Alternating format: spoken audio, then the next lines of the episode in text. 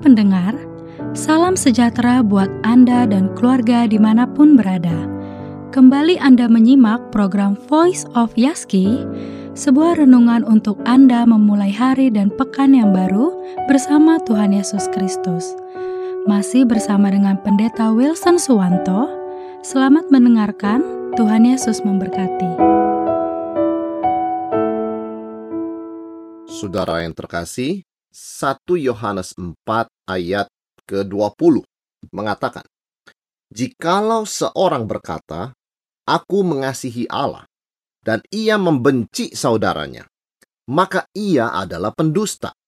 Karena barang siapa tidak mengasihi saudara yang dilihatnya, tidak mungkin mengasihi Allah yang tidak dilihatnya. Kita sudah belajar bagaimana kita bisa mengasihi sesama seperti diri sendiri. Karena kita tahu memang nampaknya dalam pengalaman kita mengasihi Tuhan tidak sesulit mengasihi sesama. Karena kita lebih banyak alasan untuk tidak melakukan perintah Tuhan ini. Tapi kita sudah belajar bagaimana kita bisa mengasihi sesama adalah dengan ingat bahwa kita dikasihi oleh Tuhan. Kita dikasihi oleh Tuhan untuk mengasihi saudara kita. Loved to love. Dikasihi untuk mengasihi. Dan itu yang dikatakan oleh ayat sebelumnya. Kita mengasihi karena Allah lebih dulu mengasihi kita. Selain itu, bagaimana kita bisa belajar mengasihi sesama? Yaitu belajar melihat Tuhan di dalam diri sesama kita. Artinya, firman Tuhan yang kita baca tadi mengatakan kalau orang berkata bahwa dia mengasihi Tuhan tetapi membenci atau tidak mengasihi saudaranya, berarti apa yang terjadi? Ada pemisahan, ada pembedaan yang seharusnya tidak dilakukan dalam kasih ini ketika seseorang berkata dia mengasihi Allah dan sungguh benar dia mengasihi Allah, pasti kasih yang sama juga dia akan refleksikan, dia akan berikan kepada sesama. Jadi tidak mungkin dia mengasihi Allah dan membenci sesamanya. Kecuali dia berkata dia mengasihi Allah itu bohong atau pendusta.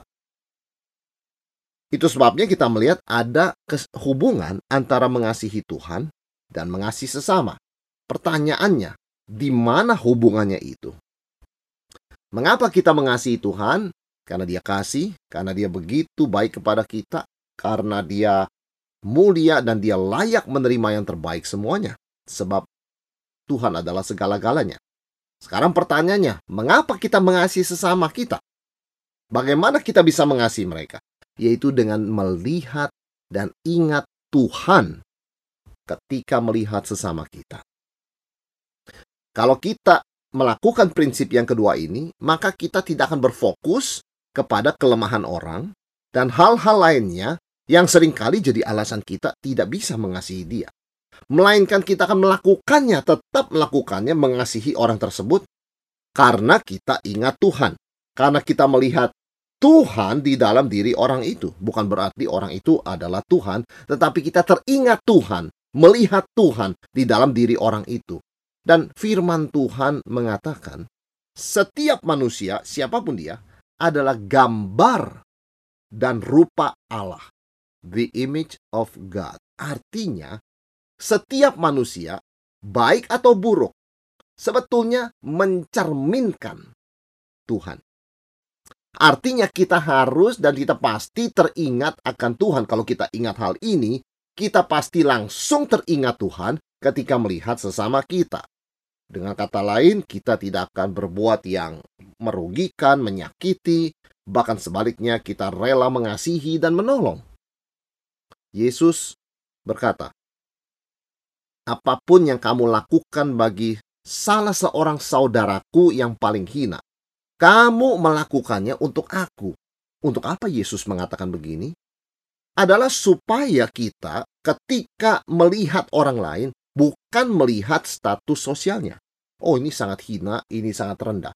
Tetapi melihat Kristus. Sehingga kita tetap mau membantu, mau menolong, mau memberikan makanan, menyediakan minuman, mau kita mengunjungi mereka di penjara, atau mereka kita memberikan mereka pakaian, itu yang Yesus maksudkan. Barang siapa melakukan sesuatu bagi seorang saudaraku yang paling hina, dia melakukannya bagi aku. Itu maksudnya. Ketika kita melihat manusia, kita melihat saudara kita, kita melihat sesama kita, jangan lupa ada refleksi Tuhan di dalam diri mereka. Mereka adalah gambar dan rupa Allah. Dan Tuhan Yesus secara khusus memperhatikan mereka yang sangat-sangat tertindas, mereka yang sangat-sangat susah, mereka yang sangat-sangat patah semangat. Sehingga ketika kita melihat seorang saudara atau sesama kita dalam kondisi demikian, seharusnya kita langsung teringat akan Kristus. Sehingga kita bisa mengasihi sesama kita ketika kita melihat Tuhan di dalam mereka, bukan melihat merekanya. Karena kita sebagai manusia sering kali membeda-bedakan. Ini adalah orang yang hina atau kelasnya itu rendah. Oh ini adalah orang yang sangat terhormat. Oh ini orang yang sama dan selevel dengan saya. Oh ini orang di bawah saya. Oh atau orang ini di atas saya. Oh, orang ini dari latar belakang tertentu. Oh, saya pernah bertemu dengan orang seperti ini dan mereka kurang memberikan kesan yang baik. Kita tidak akan melakukan hal seperti itu. Memang di dalam kita mengasihi, tentu kita memerlukan hikmat dalam mengekspresikan kasih tersebut sesuai dengan orangnya. Tetapi pada dasarnya kita tetap mengasihi. Hanya dengan melihat Tuhan di dalam diri mereka, kita bisa belajar mengasihi mereka lepas dari respon mereka kepada kita, lepas dari latar belakang kita, latar belakang dia, lepas dari apakah orang ini bisa membalas cinta kasih kita. Dan itu sebabnya diperlukan perubahan perspektif. Ada seorang kakak yang marah kepada adiknya karena adiknya itu membohongi dia. Mirip seperti kisah Esau dan Yakub. Adiknya melarikan diri, mengambil harta dari kakaknya dan kakaknya begitu marah dia berkata saya bersumpah kalau saya ketemu adik saya akan saya hajar akan saya pukul dia sebagai pelajaran supaya dia ingat pelajaran itu seumur hidup suatu hari dia melihat adiknya di tempat keramaian dan dia sudah siap untuk membalas dendam melaksanakan sumpah janjinya itu tetapi ketika dia mendekati adiknya itu dia teringat dia melihat wajah papanya di dalam wajah adiknya. Karena memang adiknya mirip papanya, sangat mirip, sehingga dari samping ketika dia melihat, dia teringat akan papanya. Di situ dia berubah. Dia melihat kemiripan dengan papanya, dia melihat papanya di dalam adiknya itu. Sehingga ketika dia menghampiri adik yang dia marah itu, dia tidak jadi memukul, bahkan dia memeluk. Bagaimana kabar adik? Sudah lama tidak ketemu. Adiknya ketakutan, tetapi mereka bertangis-tangisan. Seperti Esau dan Yakub. Oleh karena kakak tadi melihat papanya di dalam diri adiknya. Demikian juga kita. Ketika kita melihat Tuhan di dalam sesama kita dan kita semua adalah gambar dan rupa Allah.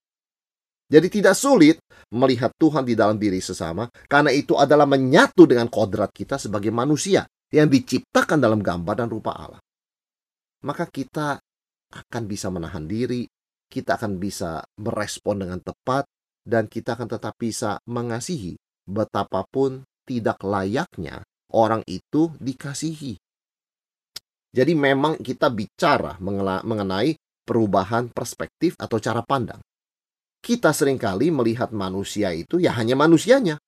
Berdasarkan perbuatannya, latar belakangnya, pencapaiannya, apa yang dia punya, dan sikap orang lain kepada dia.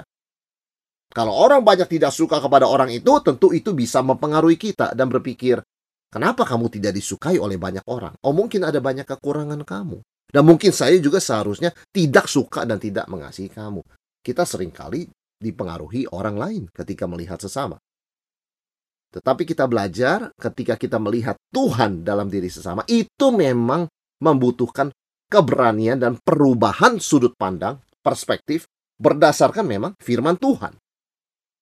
Kita melihat contoh di dalam perjanjian lama, ada Yunus. Nabi Yunus diutus oleh Tuhan memberitakan peringatan dan berita pertobatan kepada orang Niniwe yang terkenal jahat.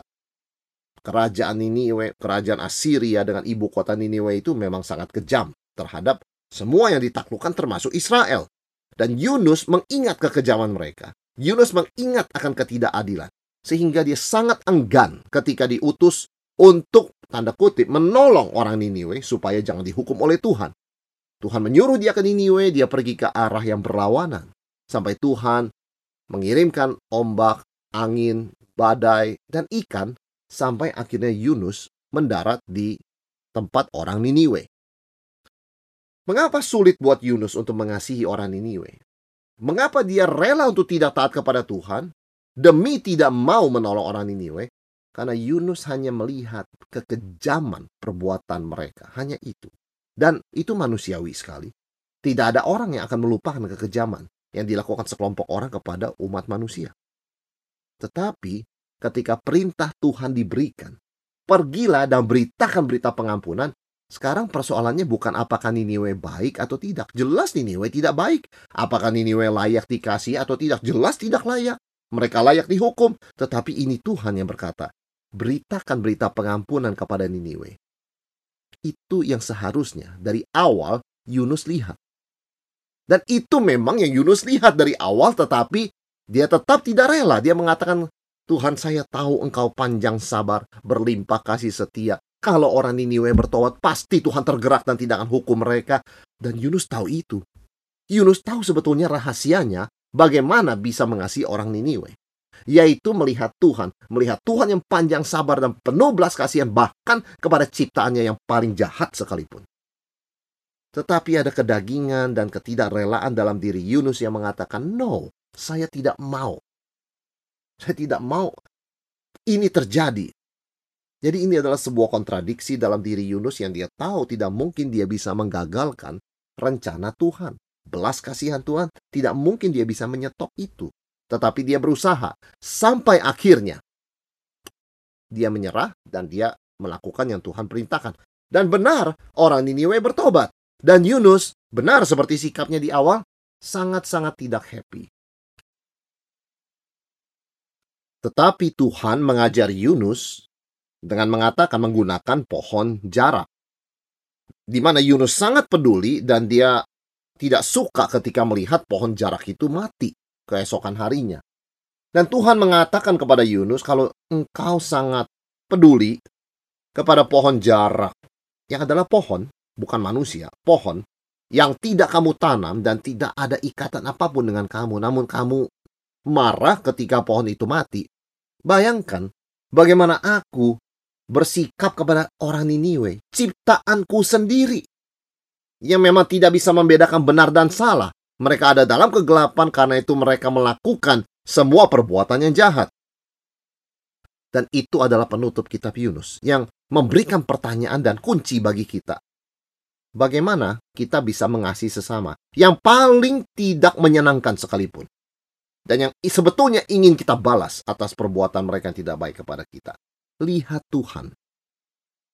Ingat Tuhan dan lihat dari mata Tuhan. Bagaimana Tuhan melihatnya? Tuhan yang panjang sabar, dia Allah yang adil, Allah yang kudus, tetapi berlimpah kasih setia. Panjang sabar, dan demi kesabaran dan kasihnya itu dia rela menderita. Itu sebabnya kasih Tuhan disebut long suffering love. Jadi setiap kali berhadapan dengan seseorang yang sulit, cobalah lihat mereka melalui mata Tuhan. Dan ingatlah akan Tuhan ketika melihat mereka. Misalnya ketika kita mengantri, lalu dipotong oleh orang yang tidak dikenal. Mungkin reaksi pertama adalah kita marah. Dan tapi kita semakin marah ketika tidak bisa apa-apa karena sudah dipotong antrian itu dan dibiarkan oleh petugas. Cobalah tersenyum. Cobalah bereaksi positif sekalipun sulit. Yang memotong kita itu adalah manusia. Ya, manusia yang tidak tahu norma, etika, tetapi manusia. Lihatlah Tuhan. Bahkan di dalam diri orang seperti ini, sehingga kita tidak meledak dalam kemarahan dan kita tidak sampai lepas kontrol dalam emosi kita. tindakan seperti ini adalah demonstrasi yang jelas bagaimana kita melihat Tuhan dalam diri orang lain.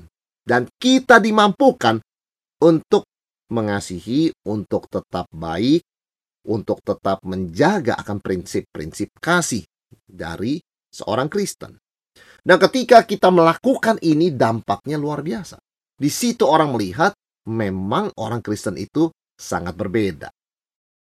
Mereka dikutuk, namun mereka membalas dengan berkat. Mereka dibenci, namun membalas dengan cinta kasih. Mereka dianiaya, namun mendoakan yang menganiaya. Mereka disakiti, namun mengampuni orang yang menyakiti. Dan itu rahasia bagaimana kekristenan bisa dari 12 orang murid Yesus menjadi miliaran orang sekarang. Inilah luar biasanya dan ini keunikannya. Ini sesuatu yang bukan berasal dari dunia ini melainkan menunjuk kepada asal usul dari sorga. Di situ orang tahu bahwa orang Kristen dilahirkan dari atas, dilahirkan kembali. Adalah orang yang sudah lahir baru, diberikan hati baru, yang mengasihi Tuhan dan mengasihi sesamanya. Maka saudara yang terkasih, mulai hari ini, mari kita challenge, kita menantang diri kita untuk dan melatih diri kita untuk melihat Tuhan di dalam sesama kita setiap kali kita berinteraksi. Setiap senyum, setiap perkataan yang baik, dan tindakan yang sabar adalah langkah yang penting, meskipun kecil, namun langkah yang penting menuju melakukan perintah Tuhan. Kasihilah sesamamu manusia seperti dirimu sendiri. Karena pada kedua hukum inilah tergantung seluruh kitab Taurat dan kitab para nabi. Demikian tadi Voice of Yaski bersama Pendeta Wilson Suwanto. Anda bisa kembali mendengarkan episode kali ini melalui Spotify Voice of Yaski atau Anda juga dapat mendengarkan, membagikan, bahkan mengunduh episode-episode Voice of Yaski lainnya melalui podcast Yaski di podcast.yaski.co.id. Terima kasih sudah mendengarkan. Salam sehat selalu, dan Tuhan Yesus memelihara Anda dan keluarga.